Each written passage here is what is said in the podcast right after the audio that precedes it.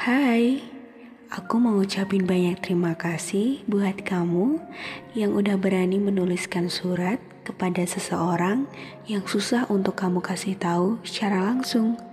Dan sekarang kalian akan mendengar cerita yang sangat menyentuh hati. Kalian sangat hebat dan luar biasa. Hai to cheers, welcome back to Tushy episode. To share episode touching you in every episode.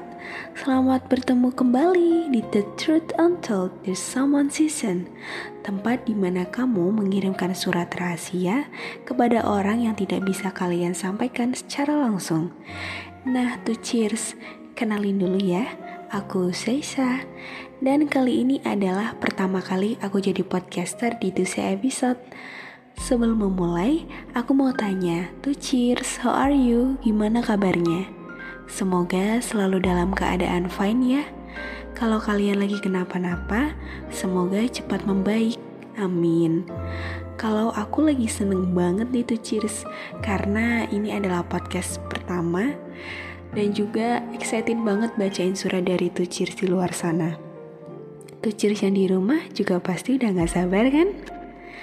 Oke tuh cheers. Di sesi ini, aku bakalan bacain surat yang masuk ke Google Form tim podcast to say. Dan kali ini saatnya aku bawain segmen di Someone Season yang di mana surat ini adalah kiriman dari seseorang untuk mengungkapkan sesuatu ke orang lain namun dia nggak berani untuk bicara selang secara langsung.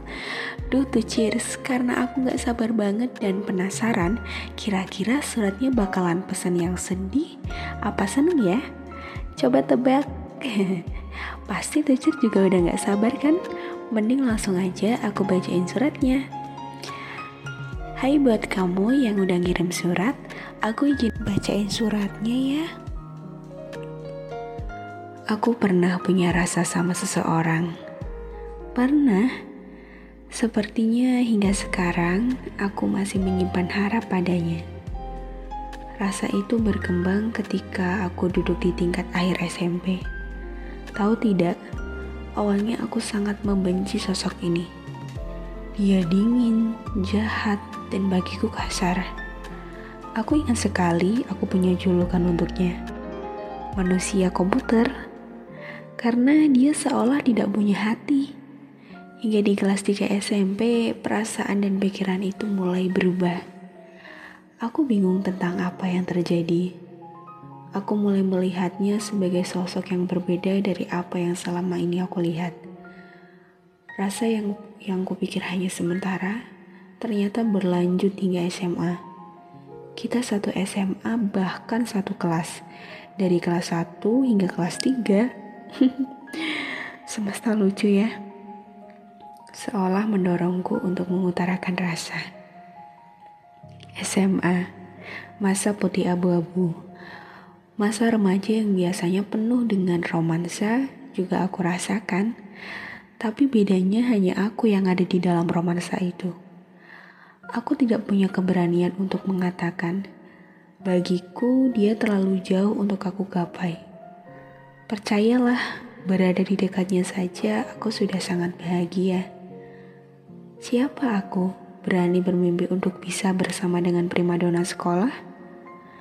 Tapi suatu saat aku mengetahui jika sepertinya dia tahu aku suka dia. Tapi tidak ada yang berubah. Atau itu yang kukira dia tidak bertanya padaku atau apa pun itu. Tapi sikapnya berubah. Dia menjadi manis. Aku ingat benar pada jam olahraga. Mata pelajaran yang tidak terlalu aku suka.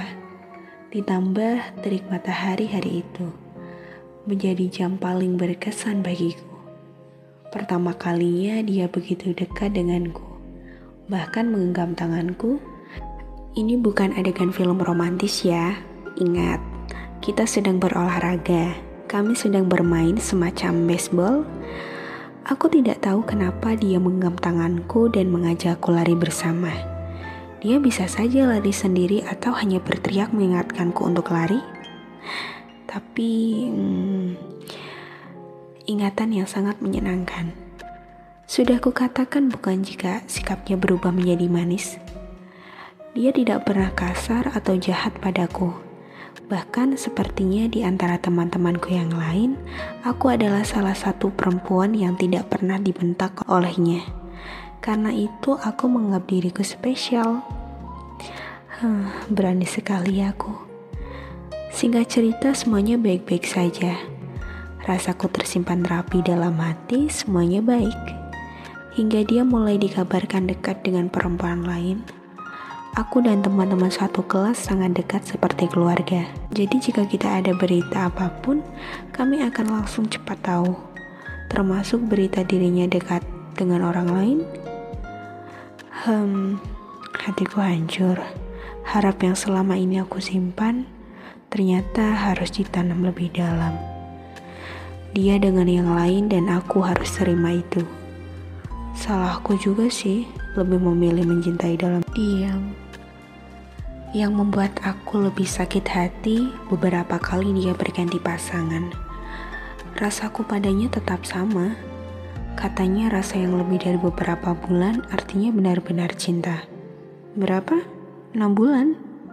Bagaimana dengan perasaanku yang sudah bertahan selama 4 tahun? Ah, tidak.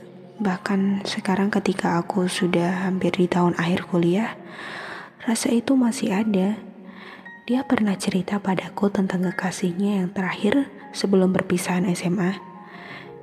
Dia berkata bahwa dia merasa tidak pantas untuk kekasihnya. Aku sakit, sebenci itu aku dengan dirinya. Aku lebih benci melihat dirinya membenci orang lain daripada membenci dirinya sendiri. Aku hanya bisa membayangkan sesayang apa laki-laki ini dengan wanita yang bersanding dengannya Sampai-sampai dirinya merasa tidak pantas untuk si wanita. Aku sayang dia, masih sayang, tapi aku tidak berani untuk terus terang. Hal yang paling kusidihkan ketika acara perpisahan. Aku berharap akan berfoto dengannya untuk yang terakhir, dan sejujurnya aku juga berkeinginan untuk mengutarakan perasaanku di hari itu. Tapi kenyataan pahit yang kudapatkan. Dia menghabiskan hari bersama dengan sang kekasih. Lagi-lagi siapa aku sih berani bermimpi. Bahkan momen itu uh, kita berfoto kelas, namun dia sibuk dengan orang lain. Dia tidak ada, aku sedih. Tapi salahku sendiri sih. Hingga saat ini aku masih menyimpan rasa.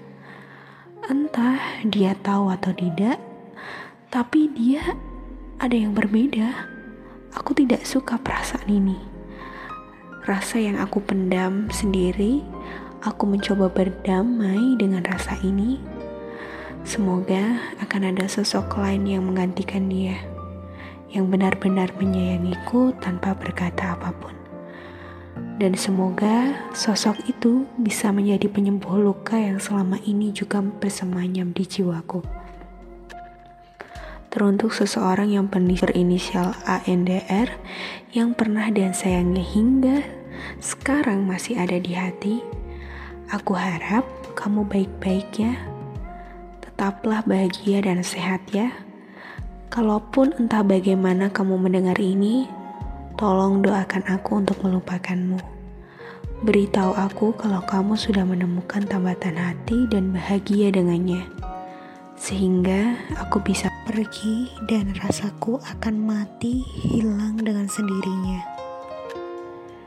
Tucir suratnya udah selesai dan kisahnya friendzone gak sih namanya?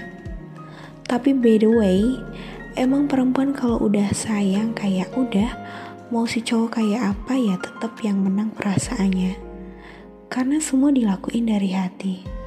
Tapi perlu cowok ketahui juga ya tuh cheers. Ya kayak tuh cheers yang kirim surat ini bahwa perempuan bisa serapat itu nyembunyiin rasa. Entah si cowok yang pura-pura nggak peka atau salah si cewek yang diem aja itu aku juga kurang tahu tapi mungkin cowok itu harus peka lah minimal harus nunjuk, nunjukin kepekaannya. Kalau emang dari awal nggak mau suka kayak nggak mau lebih dari temen lebih baik dikonfirmasi diomongin. Dan kalau misalnya pengen ngejauh ya udah kasih space.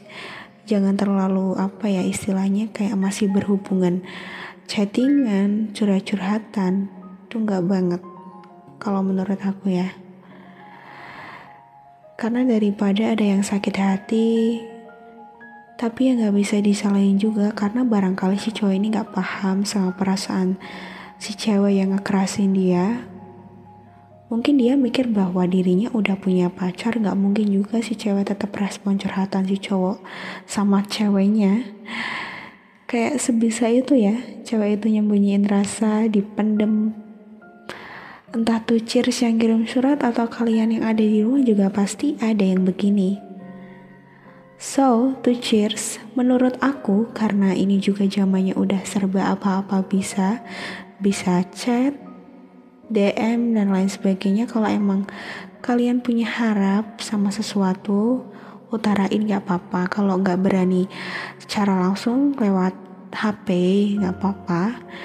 Gak usah gengsi daripada kamu nyesel untuk kesekian kalinya bahkan kayak kisahnya tuh cheers yang ngirim surat ini 4 tahun lebih loh Aku gak mau kamu selalu ngerasain sakit hati.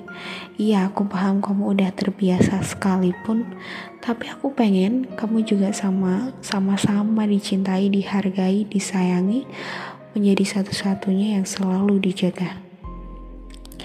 Wah, tuh cheers. Selesai juga segmen kali ini. Dan gak lupa mau ngucapin terima kasih banyak buat tuh cheers yang udah kirim surat dan tuh cheers di luar sana yang udah ngedengerin cerita ini. Kalau tuh cheers pengen cerita, kirim aja ya ke Google Form tim podcast tuh yang linknya tertera di bio Instagram tuh ini. Karena udah di akhir segmen dan aku ngingetin mengenai Google Form tadi, saatnya aku berpamitan. Oke tuh cheers, saatnya aku selesai untuk berpamitan. Sampai jumpa di Tusha episode selanjutnya. Tusha episode touching in every episode. Bye to cheer, see you di podcast to selanjutnya.